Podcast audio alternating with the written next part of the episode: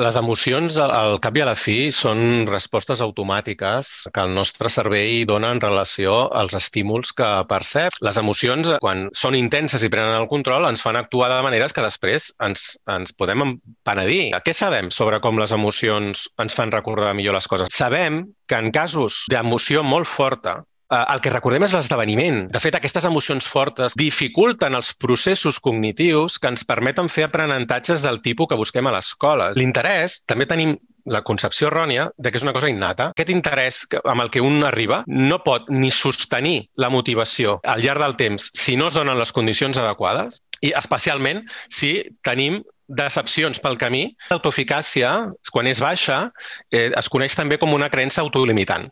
Si tu ja d'entrada creus que allò no ho aprendràs i per aquest motiu ja no t'esforces, home, doncs és, és evident que tindràs raó. El que no podrà fer la ciència, en cap, en cap cas, és donar-nos receptes. És a dir, el que seria equivalent a un mètode, no? un, un mètode didàctic sense matisos. No? Eh, això es fa així i aplica-ho quan vulguis, amb el que vulguis, no? amb els objectius d'aprenentatge que vulguis, amb els alumnes que vulguis, en el moment que vulguis, que funcionarà. Una de les millors maneres que té un docent d'ajudar els seus alumnes a estar motivats pel que aprenen és ajudar-los a tenir èxit en el que aprenen. I això no vol dir posar-los el llistó més baix, perquè ells ho noten i diuen, eh, què passa?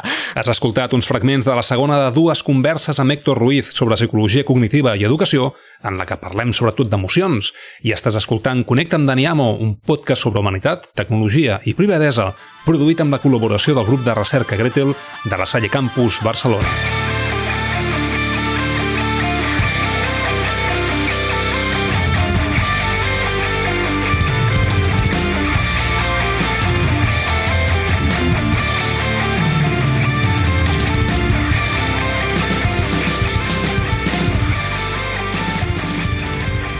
Víctor, tornem-hi, és la segona segona xerrada de dues, no crec que hi hagi una, una tercera. Tanmateix, eh, Potser si més tercera, endavant.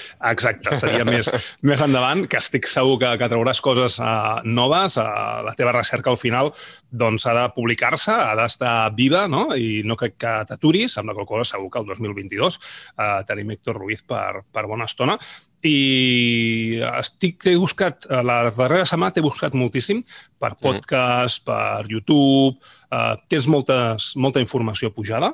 Um, penso que estàs canviant moltes coses i a més a més em fa molta gràcia perquè el, els que t'entrevisten o els que fan podcast amb tu o els que fan aquestes xerrades um, se n'adonen que estan fent coses no? no basades en ciència. No? I és, és molt divertit, no? perquè et fan l'entrevista però a la vegada et fan preguntes com dient ei, això, això que jo estic fent, ho estic fent bé o, o, o no ho hauria de fer d'aquesta forma. No? També m'agrada el teu punt de vista, eh? en el sentit de que um, no, no, no, no per defensar-te ni perquè eh, se'n malinterpreti, perquè algú pot pensar, ostres, que l'Héctor Ruiz ha vingut aquí a destruir tota la part de Fernàlia que, que està muntada, no? perquè hi ha molta por, no? aquesta de...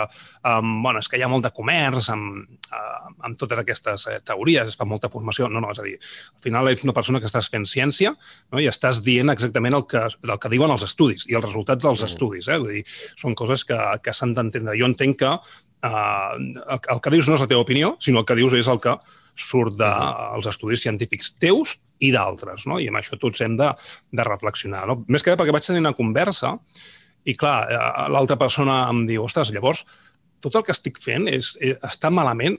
Depèn. No? És a dir, jo com ho veig? La ciència ens diu unes coses, no?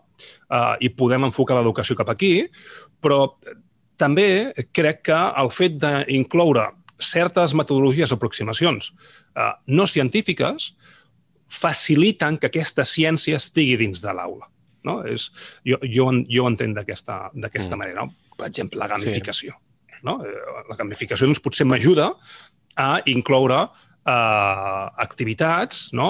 o fer pensar l'alumne, o potser eh, motivar l'alumne, no, no ho sé. Eh, que és una de les coses doncs, que, que en aquesta sessió no? eh, volia, volia que comentéssim. No? És a dir, aquesta motivació les diferents parts que, que hi ha o que, o que tu has trobat, no? I, i l'emoció amig, amigdal o l'emoció tal com diu la ciència que és, com afecta a tot plegat, no? I, i, uh -huh. i jo entenc que entre la teva visió científica i entre les diferents pseudociències o mètodes, models que hi ha ara uh, en boga, no? en, en moda, doncs tot plegat ajuda més que resta, no? Uh -huh. Bé, mira, jo, jo primer de tot eh, voldria dir que, que jo crec que, que jo, jo no tinc cap mèrit en particular, és a dir, el mèrit de, de totes aquestes coses, diguem, de les que, de les que parlo, és de la comunitat científica que porta dècades treballant en estudiant com funciona l'aprenentatge i també estudiant doncs, com podem ajudar a ensenyar, eh, perdó, a aprendre, no? Sí, sí. Per tant, com podem ensenyar millor. Eh, I que jo l'única cosa que estic fent diferent, especial, jo tinc també el meu, el meu camp de recerca, tinc també jo, jo de fet treballo en I+D perquè també faig, faig una recerca molt, molt aplicada, però crec que eh, allò pel qual em trobes a les xarxes, etc, és perquè estic fent un esforç personal, perquè hi crec, en transferir tota aquesta recerca, tot aquest coneixement científic, que, insisteixo, no és nou, no és nou. Ja, ja sí, sí, de fet ho van comentar a, a la darrera episodi que des dels anys 80 Exacte. la cosa està per aquí. Bueno, i, i abans. Però eh? abans, depèn, abans. Depèn perdó, de, de no, quin... No, fa 80 anys que està per aquí, perdó. 1940 mínim, vam, sí. vam, exacte, van iniciar com la, la, la psicologia sí. cognitiva, en tot cas, no? per l'educació. Sí, la psicologia cognitiva sorgeix en els 50-60 eh, inspirada per al desenvolupament dels ordinadors, inspirada uh -huh. en el sentit de, de que va plantejar no, que podien potser entendre el cervell com un ordinador des de la perspectiva d'un òrgan que és capaç de gestionar, no, de manipular, d'emmagatzemar informació. No? Eh, va ser una metàfora. Eh? Després hem vist que el cervell no funciona com un ordinador ni molt menys, però bueno, aquest és un altre tema. El que volia dir és que la, la, la recerca té molts anys i el que a mi m'ha impulsat a, a, a dedicar-hi temps, mm, el meu temps lliure, a, a, a divulgar, a fer-ho arribar a les escoles, és precisament el fet de, de veure que no s'estava produint aquesta transferència, de veure que estaven en mons separats la recerca i la pràctica educativa, no? I, I, de fet, també t'he de dir que el que em va acabar d'empènyer de, de, a fer-ho va ser veure que començava a haver-hi un moviment de, de, de d'aportar, d'apropar les evidències a, a les aules en el món anglosaxó, ja fa uns anyets, no, no gaire, eh, ha començat a haver-hi un, un cert moviment, i que aquí començava a haver-hi cert interès per la ciència de com s'aprèn, però que l'interès s'estava enfocant el que, en el que per mi Mm, diguem, és una disciplina que és interessantíssima, però que no és la millor per informar-nos a l'aula. Em sembla que ja ho vaig dir, no? la, sí. la neurociència, és a dir, la sí. neurobiologia, no? uh -huh. com funciona el cervell a nivell eh, biològic, no?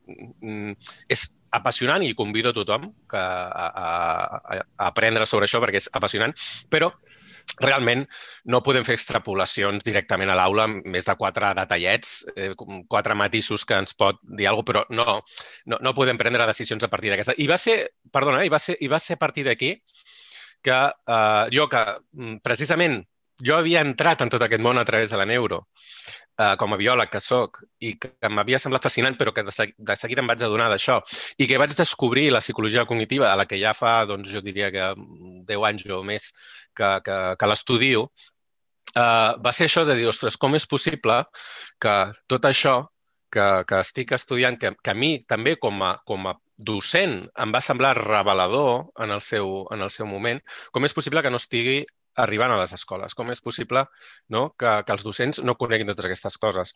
Perquè, com bé dius, eh, no es tracta de que ho estiguem fent tot malament, ni molt menys, ni molt menys. De fet, hi ha moltes propostes d'innovació que tampoc van, diguem, eh, recolzades per la recerca. Eh, del que es tracta és que eh, la ciència ens pot ajudar a prendre millors decisions, però res més, és a dir, ni ho solucionarà tot, ni ens dirà què hem de fer exactament, perquè al final la docència és un art i continuarà sent un art. El que passa és que és un art que es pot recolzar en informació científica per poder prendre millors decisions. No?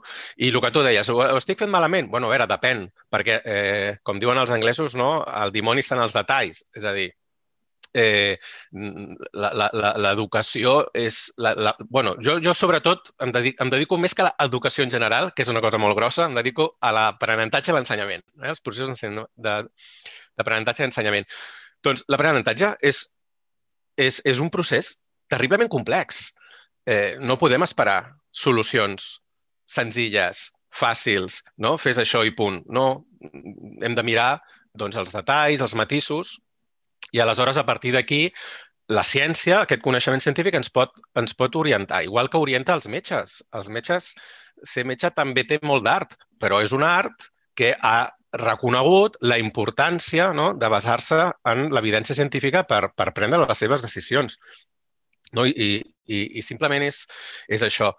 Pel que fa a, a com ho, ho estic tractant de fer, doncs, com bé dius, jo intento deixar de banda les opinions personals. Jo intento limitar-me a apropar el que diu la recerca, el que diuen els consensos, perquè, lògicament, sempre hi ha crítiques, no? sempre hi ha debats en relació a determinats temes, i intento limitar-me a apropar allò que un trobaria si s'anés a buscar la literatura científica no? i tingués el temps de fer-ho i els coneixements de fer-ho, doncs l'únic que, que pretenc és transferir-ho.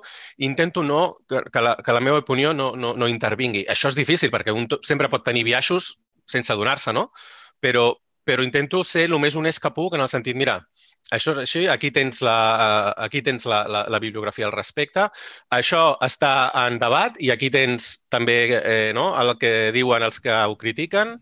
Eh, també és veritat que intento centrar-me en aquelles coses que, que ja no, que ja no són debatibles. Ja no són debatibles. No, vull dir que, que ja, que, ja, que, que han aconseguit... No, és, que, és que si no et poses en, en camisa d'once vares, no? que, com, com diuen. Eh, jo t'entenc perfectament, eh? en el camp de l'analítica de l'aprenentatge, que jo porto des del 2010 a, a pic i pala, no? vaig, vaig un dels pocs que va, vaig començar i ara d'alguna forma doncs, soc potser persona de, de referència perquè tinc aquest blog de dolítiques.com i, i també he escrit els meus llibres, no? Um, al final tu i jo doncs, doncs, som dues persones científiques i amb la ciència no, no pots opinionar-la. Si tu tens una, una argumentació opinionada, com a científic tens un problema i com a ciutadà tens un altre perquè et converteixes directament en un troll o en un cunyat, no? perquè al final eh, aquesta és la meva opinió i d'aquí no, no, no em moc, no? Llavors, mm. clar, si vols tenir sempre la raó, però tens un problema, no? Um, a mi també m'ha passat amb tema d'analítica d'aprenentatge, no? Doncs en 10 anys he vist coses molt positives, coses molt negatives. El primer llibre que vaig treure va ser molt positiu, el segon llibre que vaig treure no va ser tan, tan positiu. No? Aquí ja començo a, remarcar alguns problemes no? i algunes coses que sí que realment, si, si ho portem a l'aula, doncs, uh, pot ser contra, contraproduent. No? I al final arribo a la mateixa conclusió. És a dir, um, és com el, el Paracelso era aquell que va dir uh, nada es veneno, veneno, todo es veneno. No? Res és verí, tot és verí. Segons és, la dosi, és, no? Exacte, segons la dosi que tu li posis. Clar, si tu, per exemple, mm. l'analítica de l'aprenentatge ho portes a l'extrem i tot ho analitzes i, i et bases en que les dades tenen la raó final, llavors tens un gran problema, no? Entenc que amb la psicologia cognitiva doncs exactament el mateix. No? Si tot intentes parametritzar-lo en, en quant a ciència i no, no tens no, no equilibres aquesta part de l'art educativa, doncs mm -hmm. al final a, a, a, els alumnes poden flipar a papinillos en el sentit, o sigui, què, què és això? No? És a dir, si em fas un pipeline no, eh, de, de processos cognitius, m'estàs aquí acabant torturant, és, no? És, és més, eh? És més. També és important en, en això que estem parlant, no? És a dir, una cosa és estudiar com funciona el cervell quan aprèn, val? I, i ho podem estudiar a nivell neurobiològic, però també a nivell psicològic, no? que és el que fa la psicologia cognitiva, que és doncs, això, no? Escolta, si jo et presento la informació d'aquesta manera o te la presento d'aquesta, de quina manera la recordaràs millor? Per exemple, això seria un experiment de psicologia cognitiva molt bàsic, no? Que ho fas amb alumnes. Eh, que, que a veure, la major, la major part de la recerca als laboratoris es fa amb estudiants universitaris. ja saps no, que són, que són, són persones, no, no, no, no són ratolins, sí, sí, sí. no són Exacte. cèl·lules del llevat, vull dir, eh, són, són persones amb Tam, cervells. També hi ha recerca, lògicament, amb animals, eh, amb, amb, amb, amb, amb termes d'aprenentatge, però, uh. -huh. diguem, la, la que és més propera a nosaltres, no?, doncs, per una banda, tens aquesta recerca més bàsica, una recerca que la pots arribar a fer en un laboratori, molt ben controlat, no? Però, clar, una situació que és poc realista en, re en relació al que et trobes després al context en el, per al que vols treure conclusions, no? que seria l'aula, per exemple, no? o, o a casa l'alumne quan estudia. Llavors, què passa? Que, que també hem de tenir en compte això, no? que a vegades hem arribat a conclusions des de la psicologia cognitiva sobre com s'aprèn molt concretes, que fins i tot en el passat han portat a dir, ah, doncs aleshores a l'escola hem de fer això, però al portar-ho a l'escola no ha funcionat. Per què? Perquè hi havia altres variables que al tocar aquesta variable les afectava no? i eh, mm, al final eh, contrarrestaven, contrarrestaven els beneficis. No? Per tant, fixa't, no? que és una mica com un metge al final uh, ha de saber moltes coses. Ha de, ha de saber si fa això, vale, serà bo per això, però potser aquí tindrem un problema i potser ho haurem de llavors de compensar amb això altre, tal, no? Doncs, clar, aquí estem desenvolupant cada dia més, més i més coneixements, no? ja portant la recerca a les aules també, des de, fa, des de fa temps directament, amb les seves limitacions també, perquè quan la portes a les aules, què et passa? Més dificultat per controlar variables, no? Eh, bueno, situacions... No, no, no tens només un cervell, en tens 30. Vull dir, bueno, això ja va bé. Amb el seu context. Això ja va bé perquè, eh, perquè és la part de l'estadística, però, però igualment el que et vull dir és que ja trobes dinàmiques que, que no es produeixen en un laboratori en funció de com facis les coses, dinàmiques socioemocionals, no? Eh, bé, en fi, moltes, moltes particularitats que poden fer que bueno, els teus resultats siguin interessants, aportin al debat científic, però són només uns resultats que s'hauran de posar en context amb molts d'altres per arribar no, a, a, a conclusions una mica més generalitzables que et permetin dir, mira, eh, això ho podem aplicar eh, en general amb alumnes d'aquestes edats, per exemple, no? perquè eh, el que estem veient és que la major part de les coses eh, no acaben de ser 100% generalitzables, sinó que hi ha algunes variables que estem identificant concretes, és a dir, no és un caos tampoc, eh? Ah, és que els meus alumnes són diferents que la resta, per tant, no, no, a veure, clar, que són diferents, però, però estem també eh, coneixent quines variables determinen mm, quina és la millor eh, proposta. Però el més interessant de tot és que a veure, el, el que no podrà fer la ciència, en cap, en cap cas, és donar-nos receptes. És a dir, el que seria equivalent a un mètode, no? un, un mètode didàctic eh, sense, sense matisos. No? Eh, això es fa així i aplica-ho com vulguis, amb el que vulguis, no? amb els objectius d'aprenentatge que vulguis, amb els alumnes que vulguis, en el moment que vulguis, que funcionarà. Eh, això no ho pot fer, però, però, però què és el que sí que pot fer? Ens pot dir, en, en comptes de donar-nos aquestes receptes, el que ens pot dir són els ingredients que no poden faltar en les nostres receptes. És a dir, nosaltres al final com a cuiners, ens hem, dic als docents, eh, ens hem d'adaptar uh, uh, hem d'adaptar les nostres receptes en funció de determinades situacions concretes, no?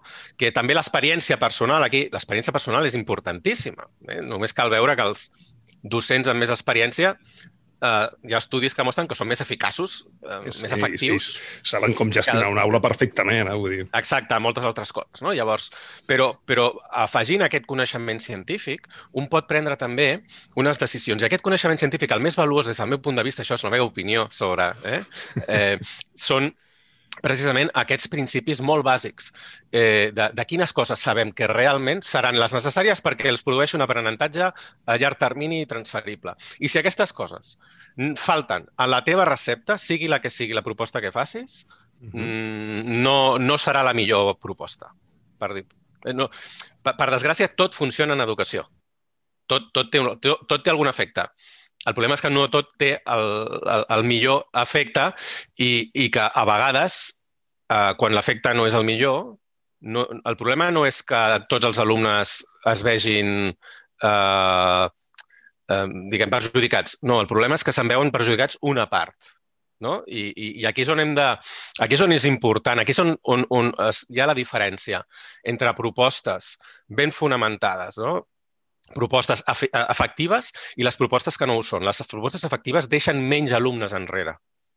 I això és molt important, especialment quan estem parlant de l'escola. Mm -hmm. Al final l'escola, no? Aquí és quan, quan juga, no? I, i, i agafant una miqueta el fil, eh? de, de com veure si les estratègies que estàs donant a terme són efectives o no. És a dir, tu i jo hem sigut eh, professors, jo, jo he passat vuit anys a, a col·legis de, de primària i secundària sent professor i cada grup és diferent, és el que tu dius. Uh -huh. Al final, unes relacions socials entre mig que fan que les classes siguin completament diferents, unes més disruptives que les altres, altres doncs, s'amuntaran anar doncs, més uh, pendent del que estàs dient, no? per interessos, per motivacions, per al, per al que sigui. No? Um, em sembla que ho has comentat més d'una vegada, no? és a dir, i és un dels errors que, que educació ha estat cometent fins ara. Aquesta educació, aquesta avaluació sumativa, no? és la que et fa que no acabis de veure uh, què està funcionant dins de l'aula no? o que, i que has d'adoptar més una avaluació més formativa, no? més, eh, ara, ara se li diu aquesta avaluació formativa, se li diu l'avaluació contínua. no? És a dir, anar, anar comprovant si aquests coneixements eh, es van adquirint, perquè al final, vull dir, l'escola es basa en un currículum i has de tenir uns coneixements adquirits que has de demostrar que saps eh, dominar, que saps eh, eh, reproduir no? o explicar i que saps aplicar. No? Llavors, uh -huh. de quina forma els docents poden eh, veure si el que estan aplicant, no? imagina doncs, que es llegeix els teus llibres, no que hi ha una sèrie de pràctiques, no? com podem eh, saber que allò està funcionant, que aquelles pràctiques eh, a partir de la psicologia cognitiva en el, en el cas eh, que, que estem parlant, mm. com pot saber que està evolucionant l'estudiant? Senzillament fent aquesta avaluació eh, formativa ja n'hi hauria suficient per veure que està eh, entenent o reproduint conceptes o resolent els exercicis? Amb això n'hi hauria prou? Bé, Mira, a, a, a, això que estàs comentant és un aspecte clau no? que diferencia uh, l'experiència personal no, no sistematitzada i la ciència. Eh, la, la...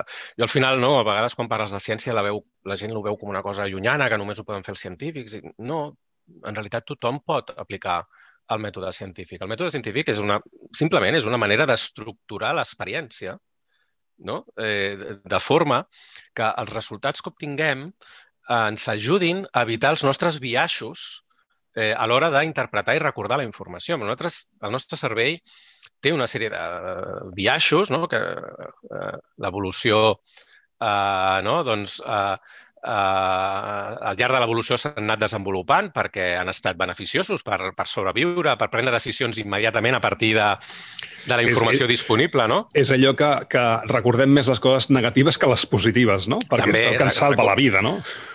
Exacte, no? Això seria, doncs això. Llavors, tenim molts biaixos, no?, que ens fan interpretar ens fan percebre i ens fan recordar les nostres experiències d'una manera que no és eh, diguem... Exacte, la, la real, no? Que no és la, la, que no és la, sí, que no és la, que no és la real, no? I, i, i aquests biaixos, eh, el que pretén el mètode científic és simplement ser una mena d'ulleres que ens podem posar per intentar veure el, el món mm, lliurant-nos el tot el possible, eh? Dels, de, mai és eh, del tot possible, no? Però tractant de lliurar-nos d'aquests biaixos. Si jo, eh, la manera en què avaluo, eh, és a dir, la, la manera en què obtinc evidències sobre l'aprenentatge, perquè fixa't, l'aprenentatge no és una cosa que puguem veure, només la podem inferir. Només la podem inferir a partir del comportament, un canvi en el comportament de l'alumne. I quan dic un canvi en el comportament, si pot respondre una pregunta que abans no podia respondre, doncs això és un canvi de comportament. Eh? Eh, doncs l'única cosa que si, si, si, si, si jo a, a l'avaluar o obtenir aquestes evidències mm, ho estic fent d'una manera que els resultats que obtinc no tenen eh, la validesa necessària per fer les interpretacions que jo els hi, que jo els hi atribueixo, no? si, si jo faig un examen no? i un alumne en treu un 9 de sobre 10, per, per posar... Ara no, ara no anem a entrar com qualificar, eh? no anem a entrar. Uh, si jo interpreto, ostres, aquest alumne ha après, tot això, no? fantàstic, ho sap. Eh, ja, però si d'aquí una setmana li passo el mateix examen i treu un 4, llavors, què volia, que, aquesta interpretació que jo feia del 9, que, quin sentit tenia? Eh, això em refereixo, no sé si veus per on vaig. La, la idea de que per avaluar bé, per, per poder fer-se una idea millor, una aproximació millor, sempre serà una aproximació, uh, si s'estan complint els meus objectius, eh, els objectius d'aprenentatge no? que, que, que, que han que han d'assolir els alumnes, eh, ha d'estar molt ben dissenyada. Això, en primer lloc. No? I, i moltes vegades eh, la inèrcia que tenim, de la manera que tenim d'avaluar, no és realment un, una forma que sigui, en aquest sentit, gaire efectiva perquè passa molt sovint el que et comento. Avaluem d'una manera que els alumnes tenen l'oportunitat de sortir-se'n d'aquesta avaluació exitosament sense que realment hagin desenvolupat un aprenentatge durador, un aprenentatge transferible, mm, per diversos motius. Eh? És a dir, per una banda, per al timing en què ho fem, per a, no? en el moment en què ho fem, i després també pels tipus d'ítems avaluatius que, que utilitzem. Perquè si els ítems avaluatius que utilitzem eh, es basen en la reproducció del que hi havia en el llibre de text o en els apunts, també el, la qualitat d'aquesta avaluació serà molt baixa en relació a, a saber què s'ha après. Si en canvi els ítems requereixen el que es diu la transferència de l'aprenentatge, és a dir, demostrar no només el que sé, sinó el que, el que sóc capaç de fer amb el que sé perquè ho he entès, Per què, no? Perquè eh, hi he vist l'estructura profunda de, del que hi ha darrere d'aquestes idees, doncs és, és molt diferent llavors l'avaluació i les conclusions que podem, que podem treure. Mira, et posaré un exemple, eh, per no que et talli, eh? perquè ara m'ha sí, recordat sí, sí. A, la, a la meva filla. Eh? Estem mm -hmm. parlant de segon de primària eh? amb les taules de multiplicar. La mm. meva filla, a segon de primària, entenia les taules de multiplicar i les sabia multiplicar. Sabia què significava el producte, sabia què implicava cada número, tal i qual. No? I un dia m'arriba a casa plorant. Dic, hòstia, què passa, Marina, tia? Ah, no, és que la professora uh, m'ha preguntat les taules de multiplicar i no m'ha donat temps per multiplicar. Dic, com? Diu, sí, és que em deia que m'ho havia de saber de memòria i que havia de dir-ho de forma instantània. Diu, papa, jo el que feia era mentalment multiplicava, calculava el resultat i ho deia, i la professora no em deixava el temps per trobar la solució, no? Dic, hòstia, la mare que va parir, no? Llavors, bueno, jo, jo, jo, si em permets, ara potser el que et diré et sorprendrà, però no és pas, no és, no, no, no és pas incorrecte uh, el, el, també. És a dir, sí. Uh, uh, és entenc, important. Entenc que cap és... de les dues tenia la, la raó absoluta, no? Exacte. Exacte, exacte. És a dir, les dues coses són importants i les dues coses no poden faltar. És a dir, per una banda, eh, la comprensió de què vol dir multiplicar, no? la, la comprensió de, de, de què significa, com es fa. Val? Eh, tot això és clau i és important perquè aquest aprenentatge, en una situació en la que podria ser que jo no me'n recordés, tingués les eines no? per recuperar-ho i eh, resoldre-ho. Però també és molt important per assolir, per seguir avançant en una disciplina, el anar automatitzant determinats processos. I en les matemàtiques, un dels processos obvis que cal eh, automatitzar són determinats càlculs mentals bàsics, com les taules de multiplicar, que si no les automatitzem, Uh, quan després necessitem avançar en, en qüestions més complexes en les que estan integrades aquestes multiplicacions, si jo no les he automatitzat, uh, em resultarà molt difícil seguir, seguir aprenent, perquè això és difícil, o sigui, això, si t'ho he d'explicar és, és, és llarg, eh? però diguem que intento simplificar-ho. Sí, sí. Però quan, quan, quan tu has de fer servir el raonament per obtenir una resposta, estàs ocupant eh, recursos cognitius, el que anomenem la memòria de treball. La memòria de treball és aquest, entre cometes, espai mental on raonem, on imaginem, d'acord? Mm. Però fixa't que és un espai mental molt limitat. Si jo, si jo et demano ara que facis una multiplicació 87 per 5, Hòstia, tu la pots sí, fer perfectament, sí, sí, oi? Sí, perfectament. Mm. Ara, si jo et dic que facis 3.424 per 932... Té la calculadora al mòbil, segur. Però el que et vull dir, no, això és perquè et fixis en lo limitat que és aquest espai. Val? Aquest mm -hmm. espai, pues, sabem que aproximadament ens permet eh, sostenir alhora uns 7 més menys 2 elements eh, alhora i, per tant, Eh, i, I, de fet, sabem que la capacitat de la memòria de treball està alineada amb l'habilitat per raonar, d'acord? És a dir, que és un, és un element molt important. Quina, Podem millorar, podem ampliar la memòria de treball? Doncs per desgràcia, no. Tenim la que tenim. Però sí que la podem utilitzar de manera òptima. I una de les maneres d'utilitzar-la de manera òptima és fer, és aconseguir automatitzar processos perquè ja no hagin de passar per la memòria de treball i es facin de manera automàtica. L'exemple que posem al psicòleg sempre eh, és el de conduir, el d'aprendre a conduir.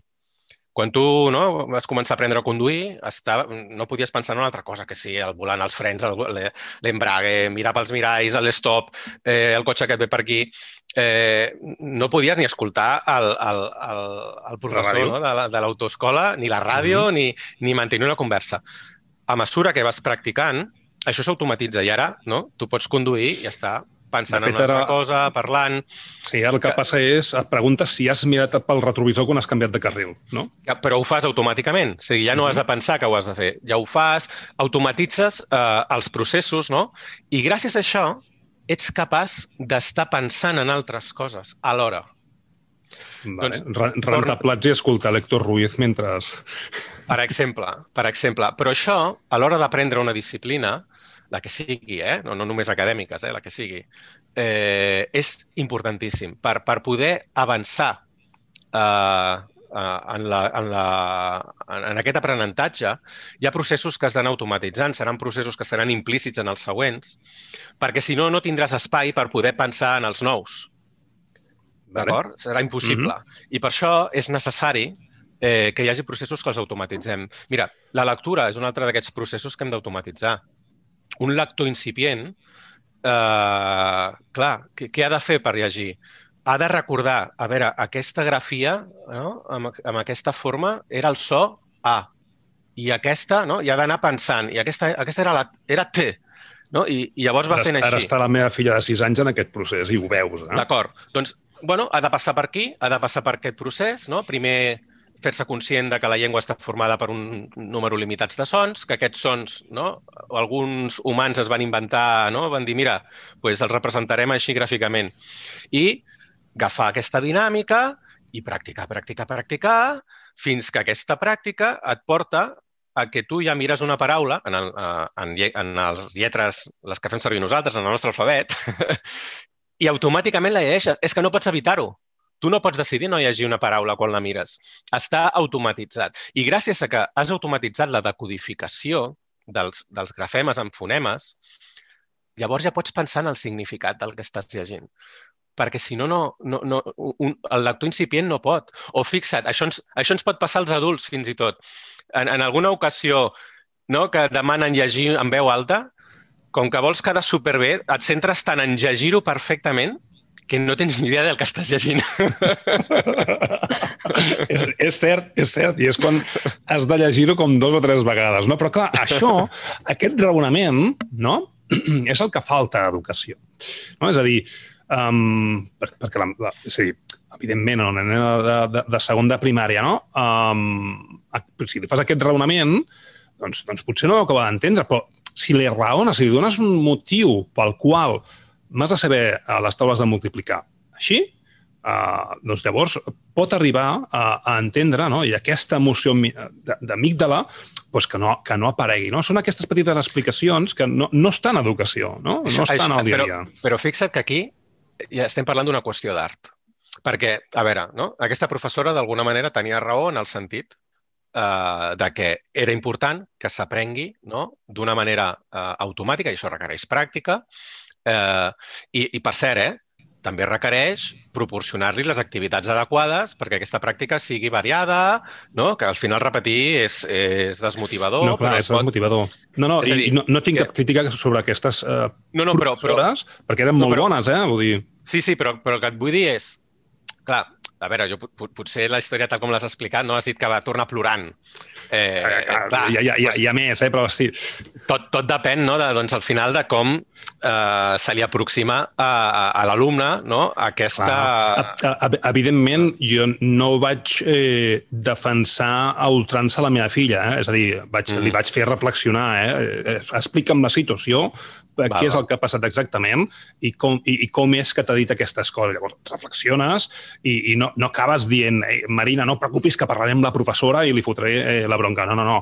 Eh, si no. la profe t'ha fet, ha fet això i t'ha dit això, serà per alguna raó. Vale, en tot no, cas... no, i, i en general la, la majoria de, de mestres i professors, almenys els que jo conec, tenen molt present la, la, la importància de la relació eh, socioemocional amb els alumnes, de, de, de, de com es diuen les coses. Clar que hi ha excepcions, a tot arreu hi ha excepcions, no?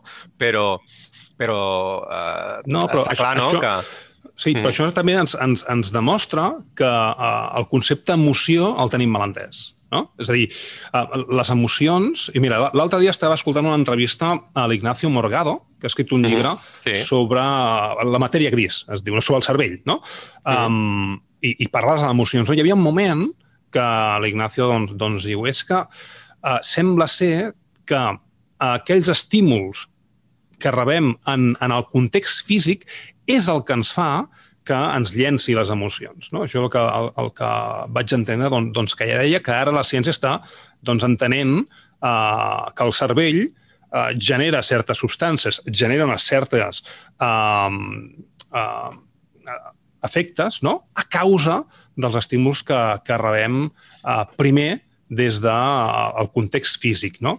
Entenc que no serà 100% no. les, així, però... Les, les, les emocions, al cap i a la fi, són respostes automàtiques eh, que el nostre cervell dona en relació als estímuls que percep, en relació a si avalua, els avalua com a, com a riscos o com a oportunitats. És I la idea aquesta... Que, el dia que són sí. automàtics em refereixo que no els podem controlar.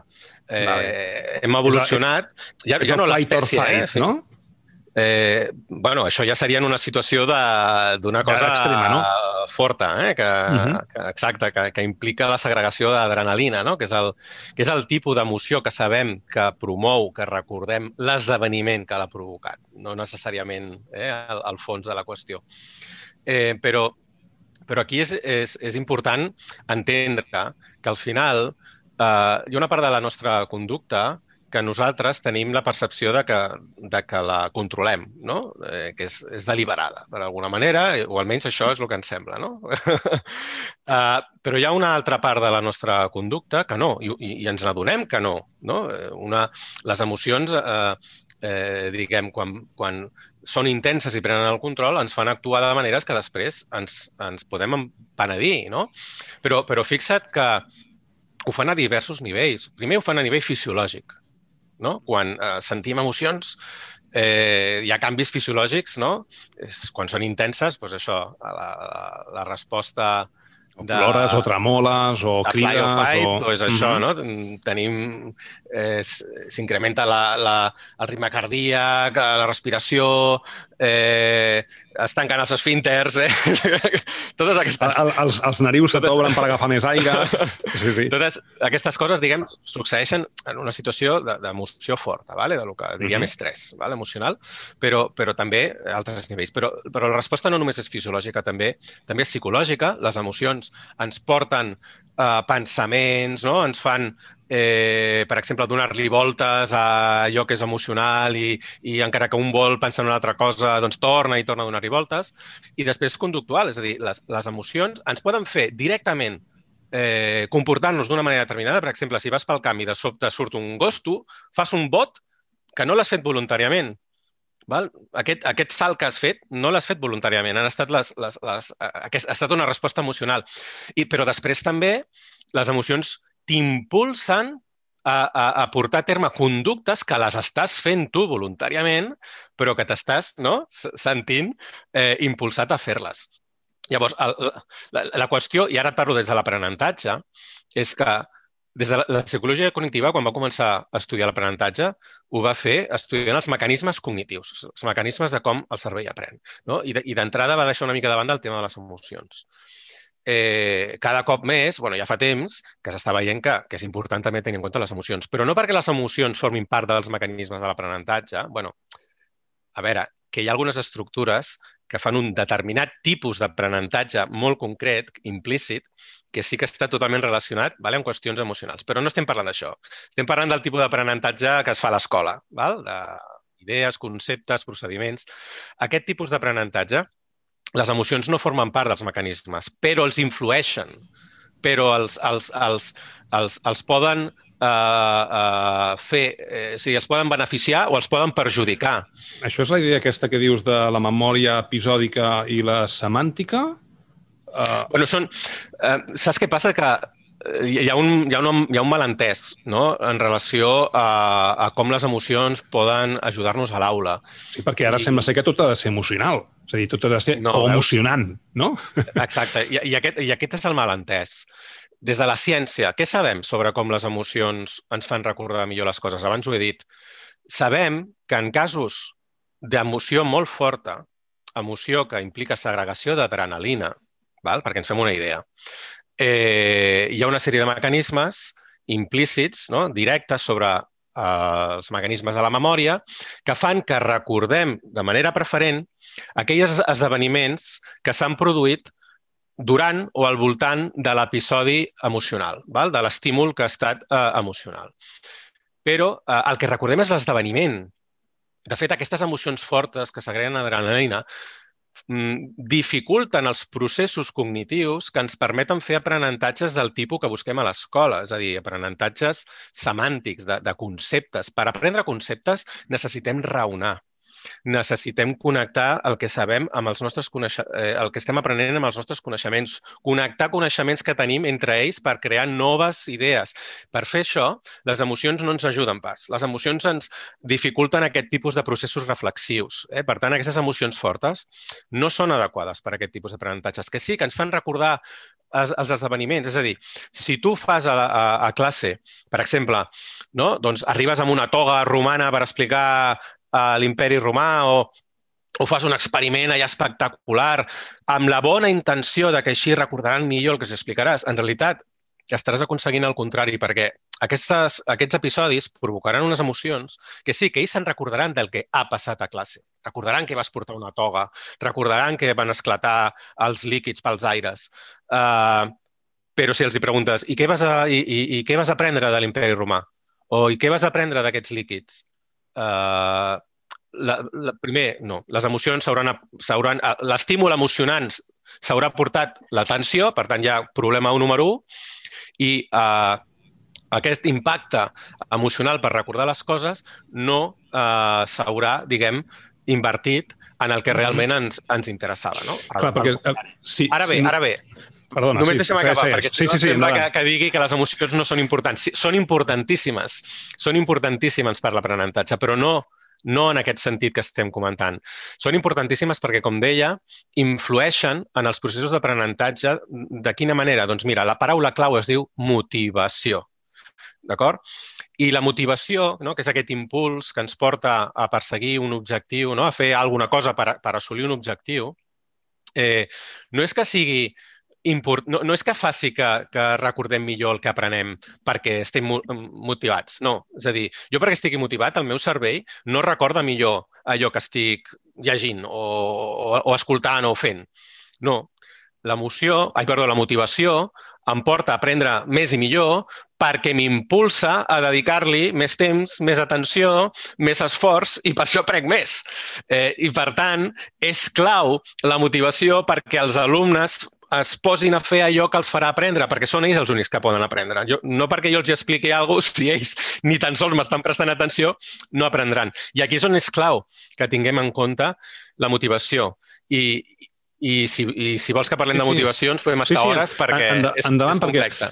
Perquè, clar, sí, clar, perquè fixa't que al final, el, el, el, és a dir, tota aquesta argumentació a mi m'encaixa moltíssim amb... Um, I més que m'encaixa moltíssim, potser és molt més fàcil que ho entenguin persones adultes. No? Per què? Uh -huh. perquè, perquè saben que um, si aprenen això i s'esforcen de forma correcta, no? perquè a vegades els meus alumnes... que també, sí. Exacte, s'esforcen molt, però jo els acabo dient... Però malament. Que, sí, sí, exacte. És a dir, t'has esforçat molt, però... És a dir, imagina't una, un, una carretera que es bifurca. Tens el camí A i tens el camí B. Tu has anat pel B, però és que hauries d'haver anat per l'A, amb la qual cosa has fet molts esforços pel B, amb la qual cosa has pres moltes coses, però no les que tocava en, en aquest moment. No? Però aquest raonament és molt fàcil per a aquelles persones que han agafat eh, o han seleccionat eh, la seva carrera d'estudis, el seu grau, estan fent algun màster, estan aprenent coses en curs, formació o de forma autodidacta, perquè tenen molt clar cap a on volen anar. No? I potser el fet de saber quin és el teu objectiu uh, i, i reconèixer un, un cert camí, doncs et, et pot ajudar. No? Clar, en l'educació obligatòria, els nanos estan obligats a atendre uh, unes classes no? de 9 a 5 de la tarda o l'horari que, faci, que, que sigui necessari um, i, i potser el, prim, el primer que, que hauria de passar és que els alumnes entenguin per què estan allà, Uh, si els hi dius que perquè així la, la raça humana evolucionarà i aconseguirà sobreviure de molts anys, això no els servirà, no? Però, uh, clar, si un nano que, o nana no, que està allà diu, i ara per què haig d'aprendre això? No? En canvi, sempre diem, ostres, però són capaces de, de capaços i capaces, com la meva filla, d'aprendre totes les cartes del Pokémon. Bueno, sí, perquè uh, els interessa saber-ho perquè tenen un objectiu molt clar que és eh, guanyar el joc de cartes o el que sigui. Però educació, quin és l'objectiu per als alumnes? No, no sé, potser eh, motivació i objectius Mira, no va lligat, eh? No, sí, sí, clar que va lligat. El que passa és que et sorprendrà que, el que et diré. És evident que l'interès és un factor important per la motivació, d'acord? És evident que ho és. Però ni és el més important per aprendre, eh? ni és el més important, ni tampoc eh, és, diguem, ni, ni tampoc ve de sèrie amb l'alumne. És a dir, que és, és, és, es pot generar. Eh, ah, es, pot, pot treballar i a veure, crear. Sí, mm. anava a dir manipular, però aquesta paraula bueno, sona, sona és, fatal. És lletja, sí, però al final eh, és així. Vull dir. El que vull dir és que es pot, no? es pot generar, es pot, es pot uh, modular aquest, aquest interès. Però, a més, resulta que tampoc és el més important a l'hora d'aprendre pel que fa a la motivació, eh? la motivació per, per aprendre. Tots tenim aquesta idea, no? Quan pensem en motivació, el primer que ens ve al cap és interès. No? Si a l'alumne li interessa, doncs estarà motivat, i si no li interessa, doncs què hi farem tu? Eh, I si està l'obligatòria, ho ha d'aprendre, i si no, doncs se suposa que ja sap que, per què ho ha de fer. No? Tindrà motius intrínsecs o extrínsecs, és igual, els que sigui. Però, però aquí lo interessant, primer de tot, uh, això, uh, uh, l'interès, també tenim la concepció errònia de que és una cosa innata. A un nen li interessa una cosa o no li interessa. bueno, doncs mira, precisament els humans eh, som capaços d'interessar-nos per qualsevol cosa. La qüestió és com ens la plantegen. La qüestió és com hi arribem. I els humans, per exemple, ens sentim eh, fascinats pels conflictes, pels, pels, pels problemes. Pels problemes i això ja dona una pista de, de, del que ve després, que creiem que podem resoldre. Val? Uh, però, però ja d'entrada, um, jo crec que tots hem viscut la situació en què començava una classe o, o una assignatura que d'entrada pensàvem que no ens interessava i el professor l'ha fet de tal forma que ens ha fascinat. No? I que, bueno, jo potser, mira, uh, no tinc pensat dedicar-me a això, però estic gaudint d'aquestes classes i estic aprenent no? i, i m'estic esforçant perquè eh, la manera en què m'ho ha plantejat, i no estic parlant de que sigui divertit, eh, es, es tracta de que ho faci interessant, que és diferent. Val? eh, generar aquest, aquest interès doncs, eh, és modulable. També ens ha passat al revés a tots, eh? anar a una xerrada o, o, o, o començar un llibre o una sèrie no? d'un tema que dius, això, aquests temes a mi m'agraden, m'interessen, i haver-ho de deixar a mitges o, o, bueno, o desconnectar a la xerrada perquè, perquè també, perquè, perquè és exactament el mateix. L'interès, l'únic avantatge que ens dona és una predisposició inicial. Punt. Mm, però eh, aquesta predisposició, aquest interès amb el que un arriba no pot ni sostenir la motivació eh, al llarg del temps si no es donen les condicions adequades, d'acord? Ni, ni... I especialment si tenim decepcions pel camí eh, del, del que ara comentaré. Perquè l'altre factor més important que l'interès eh, per, per la motivació d'aprendre, eh, insisteixo, és la motivació per aprendre, no, no la portem a altres camps, eh, sisplau, és eh, la creença que tenim en si serem capaços o no d'aprendre allò que se'ns planteja. Quan, quan un eh, se li planteja un repte d'aprenentatge, automàticament fa un, un, un judici en relació a què la fem? A les nostres experiències anteriors. No? Si jo, per exemple, ara eh, he de començar un, una assignatura de, de matemàtiques, eh, doncs eh, em guiaré per les meves experiències anteriors amb les matemàtiques per fer mm, un, un, un, una previsió de lo que em costarà o si crec que ho aconseguiré o assoliré. No? Eh, no és tan senzill, eh? en realitat no és només les experiències, és com interpretem les experiències que hem tingut. Perquè si jo, per exemple, he tingut experiències de, de que m'ha anat molt malament, però penso, crec, que ha estat perquè no m'he esforçat, bueno, no tinc per què creure que no pugui, que no pugui fer-ho, si m'esforço. Val? Per tant, és, és, no, no entrarem aquí, és un tema, és un tema molt, molt apassionant. Bueno, és, és la idea aquesta de la, prof, la, la profecia autocomplida. No? És a dir, si tu penses Exacte. que fracassaràs, ja t'estàs predisposant a fracassar, no? Eh, exacte, és a dir, això, això està molt lligat, eh, perquè al final l'autoeficàcia, quan és baixa, eh, es coneix també com una creença autolimitant. Si tu ja d'entrada creus que allò no ho aprendràs i per aquest motiu ja no t'esforces, home, doncs és, és evident que tindràs raó, perquè Òbviament, perquè t'esforcis no vol dir que ho aconseguiràs, sobretot si t'esforces malament. Però si no t'esforces, eh, segur que no ho aconsegueixes i tens raó. Eh, per tant, aquesta autoeficàcia ens afecta a tots. I, i fixa't, l'autoeficàcia no és una cosa general, eh? no és que una persona tingui una autoeficàcia alta o baixa, no, no, depèn del repte, igual que l'interès. Depèn de l'objecte d'aprenentatge. Jo puc tenir una autoeficàcia molt alta per les mates i molt baixa per l'anglès per exemple, no? I jo puc mm -hmm. pensar, ostres, que jo les llengües, per molt que m'esforci, tal, mm, és una creença. Al final són creences perquè el que mm -hmm. sabem és que totes les persones, per desgràcia, excepte trastorns extrems, podem aprendre qualsevol cosa a nivells d'expertesa de, de, mm, suficient mm -hmm. no? per estar eh, sí, sí. a un nivell jo... de domini adequat. Suficient, no? adequat. Però, jo, però jo... clar, hi haurà que necessiti uh -huh. més esforç que, que d'altres. Mira, jo, quan estava a secundària, sobretot a secundària, no tant a primària, però a secundària, um, em vaig adonar que la meva tasca era anul·lar les creences limitants que tenien uh, uh, els adolescents, no? Correcte. Perquè porten un discurs uh, automàtic de no, és que no arribaré, és que això és molt difícil, és que hi ha molt de contingut, és que no sé què. Llavors t'asseies amb els alumnes i, a veure, explica'm, el, argumenta'm tu el per què. I els hi anaves desmuntant cadascun dels punts i al final deia, deien, ostres, ostres, doncs no és tan complex, no és tanta informació. Ah, llavors sí que mm. puc assolir. És, una, és unes coses que jo faig amb, amb la meva filla gran, no? sobretot, sí. i ara que està en èpoques d'exàmens. No? Sí. Tot ho veu en negre, tot ho veu en negatiu, hi ha molt de contingut, haig d'aprendre moltes coses. No? Bueno, um, anem a veure què és el que realment entra, què, què podem preguntar, anem a extrapolar, no? i els mm. falta aquesta, aquesta anàlisi no? Sí. perquè per, per defecte són com, com molt negatius, no? No sé si per les... Bueno, això... Hem tingut profes o la vida... Cada, o... Cadascú, eh? Cadascú, les experiències que ha tingut i com les ha interpretat, perquè si... Uh mhm. -huh.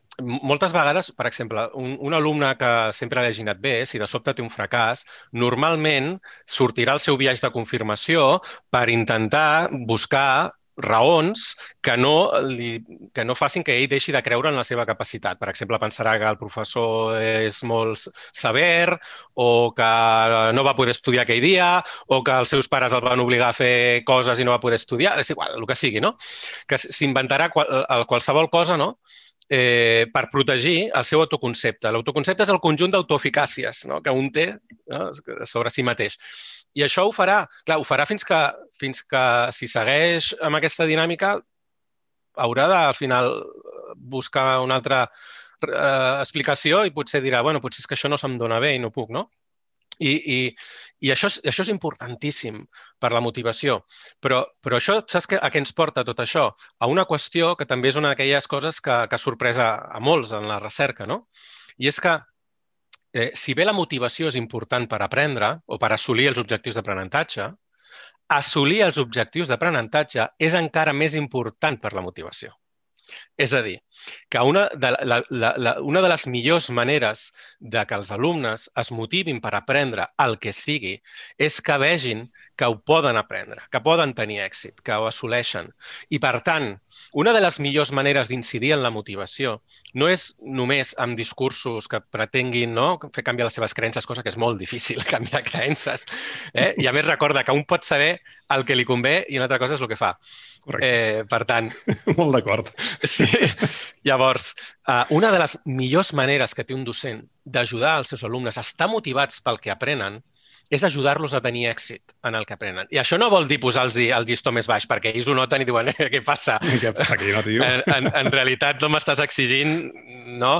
I, I, de fet, això és pitjor, no? Perquè l'alumne pot pensar, clar, em baixa el llistó perquè pensa que no puc. Llavors, malament. Malament. No? Es tracta de mantenir l'exigència on ha d'estar i aleshores ajudar els alumnes realment a assolir aquests, aquests objectius. Abans hem, ja hem parlat, hem dit diverses vegades aquesta idea de que un es pot esforçar, però es pot esforçar malament. Mm. Molts alumnes s'esforcen malament. I no perquè es posin a fer, eh, a centrar l'atenció en el que no toca. No, no, no. Estan estudiant el que han d'estudiar, però estudien d'una manera que és molt poc efectiva. Uh, una de les coses en les que jo més em dedico és a promoure eh, aquelles accions i circumstàncies que, segons la ciència, no, eh, fan més productius els nostres esforços per aprendre. Les hores de dedicació que eh, no, invertim en l'estudi, en l'aprenentatge, en la pràctica. No tot val. No tot val. I les nostres intuïcions sobre com s'aprèn són normalment errònies. Tenim, som molt dolents metacognitivament parlant, que es diu, és a dir, som molt dolents estimant si estem aprenent molt o aprenent poc. De fet, les estratègies menys bones ens enganyen, ens fan creure que estem aprenent molt i no és així. Eh, I llavors aquí és on entra no, aquesta capacitat que podem tenir com a docents d'ajudar a que els esforços dels alumnes siguin productius. Fixa't que no hi ha hi ha poques coses tan desmotivadores com esforçar-te molt i encara així no aconseguir-ho. Hi ha molts alumnes que aconseguim motivar-los el temps suficient perquè facin l'esforç següent, però com que s'esforcen malament, tornen a fallar i aleshores mm, ja ho tenim Entren complicat. un bucle infinit. Per tant, no val només amb animar-los, no? amb tractar de, de, de, de, de que donar-los raons per intentar-ho una altra vegada. No hi ha suficient. No és suficient. L'esforç és important, però ha de ser un esforç ben invertit. Per tant, a més d'això, els hem de donar les eines per ajudar-los a assolir els objectius. Abans deia, no baixem l'exigència. bueno, una cosa que sí que podem fer és anar eh, escalant els, els objectius d'aprenentatge. Abans has parlat de l'avaluació formativa. L'avaluació formativa és una de les coses més interessants, crec, avui dia, que hi ha en relació al que podem fer eh, a l'aula, si es fa bé. Perquè, d'entrada, l'avaluació formativa no és només avaluació contínua. L'avaluació només és formativa si, si a cada eh, episodi d'avaluació prenem decisions en funció de la, de, la, de, la, de la informació que hem obtingut. L'alumne i el professor. Si no es prenen decisions de què faig a continuació, no és formativa és simplement avaluació contínua. Però, però fixa't que sigui formativa o contínua, aquí tenim una possibilitat de donar oportunitats d'èxit eh, eh, freqüents als alumnes. Si, a més, els anem avaluant sobre eh, eh, parts, trossos més petits no, del que estan estudiant i a poc a poc anem fent que els vagin integrant, no tot de cop, va, uah, hem fet tot això i ara, pam, us avaluo de tot el, el fet d'anar-ho dosificant també és important per la motivació, perquè els donem oportunitats de començar a apreciar, de dir, ostres, doncs ho, ho estic, estic avançant. No? Eh, això que jo potser pensava petites que em costaria... victòries. Petites victòries, no? Aquestes petites victòries són, són clau per un alumne especialment el que comença amb una autoeficàcia baixa o, o no definida quan un encara no sap, eh, això que estudiarà ara diu això no sé, no ho puc vincular a res que hagi estudiat abans, no? no un no pot saber si li costarà o no. Allà és on necessita començar a tenir aquestes victòries. Insisteixo, no perquè li baixis el nivell, eh? simplement perquè ho estructures d'una altra manera aquest, aquest progrés.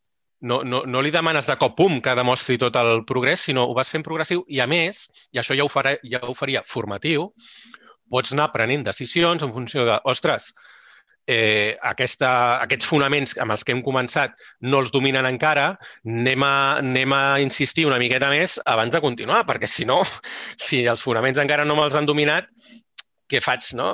avançant? Eh, no servirà de res, no?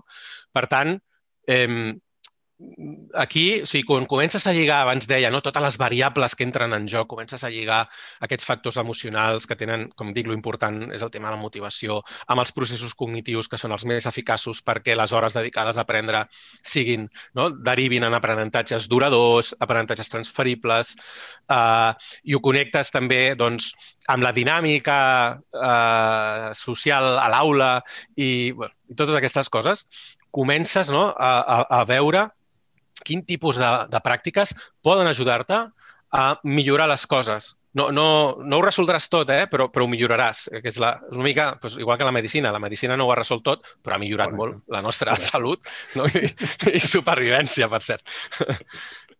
Hòstia, uh, Héctor, quan, quan, quan parles, es, es nota que hi tens passió, tio. És a dir, que, que, que transmets aquesta, uh, aquest saber fer i, i aquestes ganes teves no? també de coneixement. No? Uh, hem arribat al límit. Eh?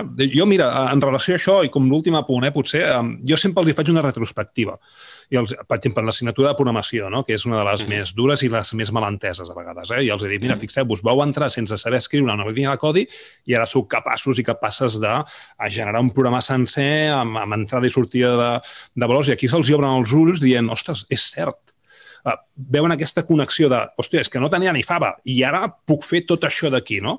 Llavors, pues, eh, fa tot el, tot el recorregut. És que, és que jo, si m'apassiona tant, és perquè trobo que el fenomen de l'aprenentatge, aquesta capacitat que té el cervell, és espectacular, és increïble.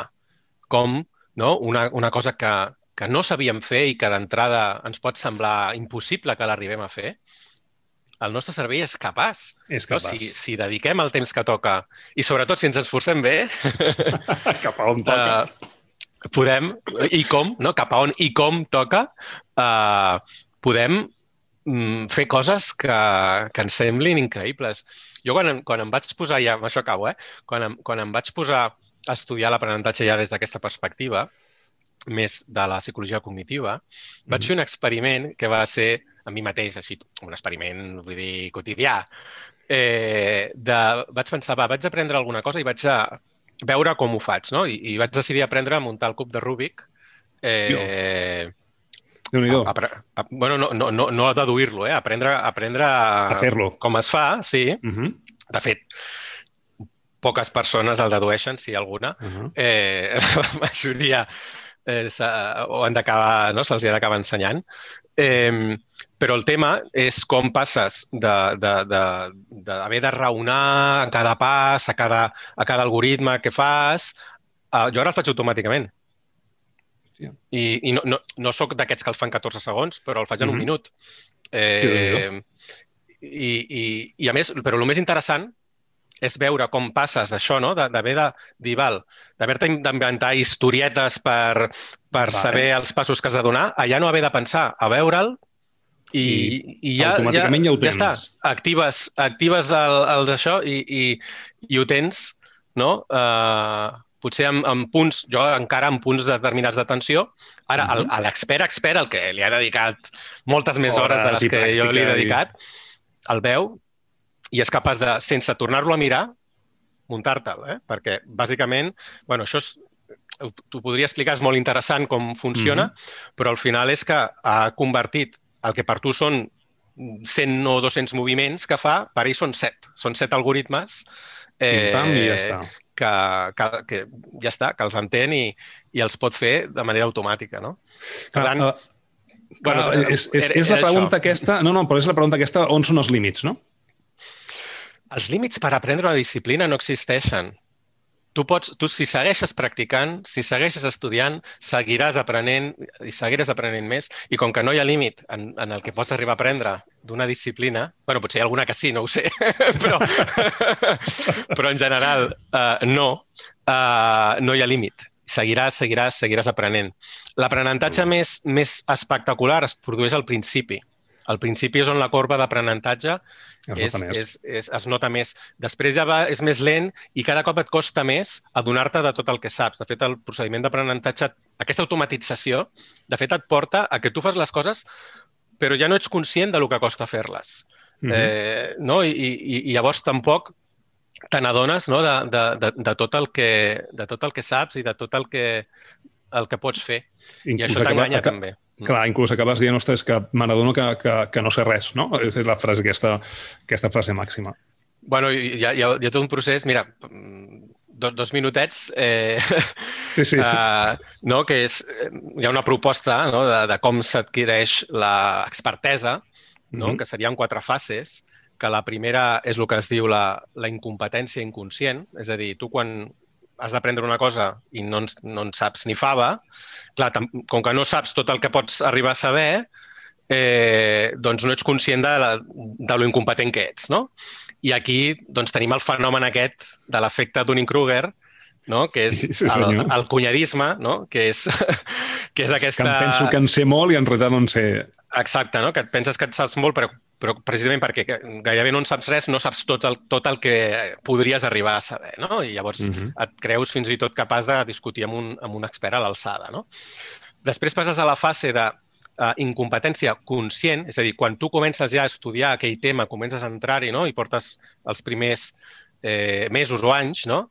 te n'adones de lo molt que et queda per aprendre. Comences a adonar-te de la complexitat d'allò que estàs aprenent. No? Llavors tens una eh, incompetència conscient.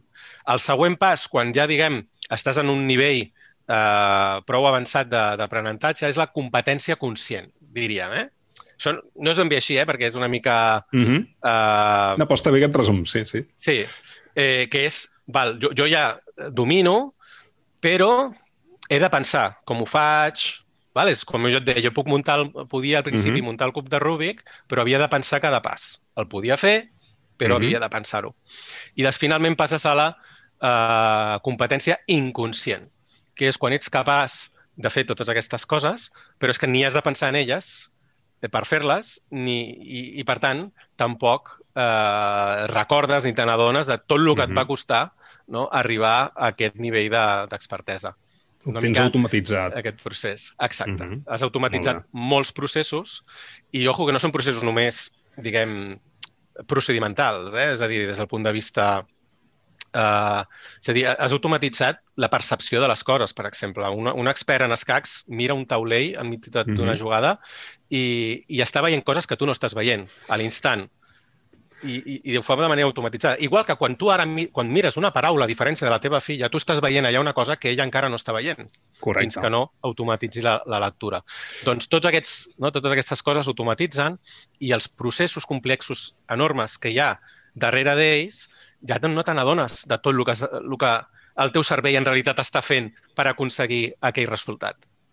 I després ho has de practicar, eh? perquè jo jugava a escacs i, sí, sí, sí, sí. i se'm donava certament bé, però ara, ostres, fa temps que no, que no d'allò. Necessites... No, no, l'automatització la, la, només, només es pot adquirir en molta i molta, molta pràctica. Uh -huh. Molt bé. Bueno, I per practicar i per aprendre, jo el que recomano és el teu llibre, el de Com aprendemos, que de fet està a les notes del programa, no? aquesta aproximació científica a l'aprenentatge i, i, i ensenyament. I, Héctor, t'agraeixo moltíssim aquesta segona sessió. De fet, m'ha quedat més que la primera. Mira, mira, mira què et dic, perquè hem, hem potser temes més profuns. I, escolta'm, um, deixem-ho aquí, vale? perquè també ens estem passant de, de, de temps i uh, potser podríem deixar reposar l'estiu i una miqueta més del primer uh, trimestre, però una retrobada per, per veure com evoluciona no? I, i què has trobat de nou. Uh, ja saps que aquest canal és, està obert pel que vulguis dir i, escolta'm, tornem, vale? Encantat. Un plaer, Dani.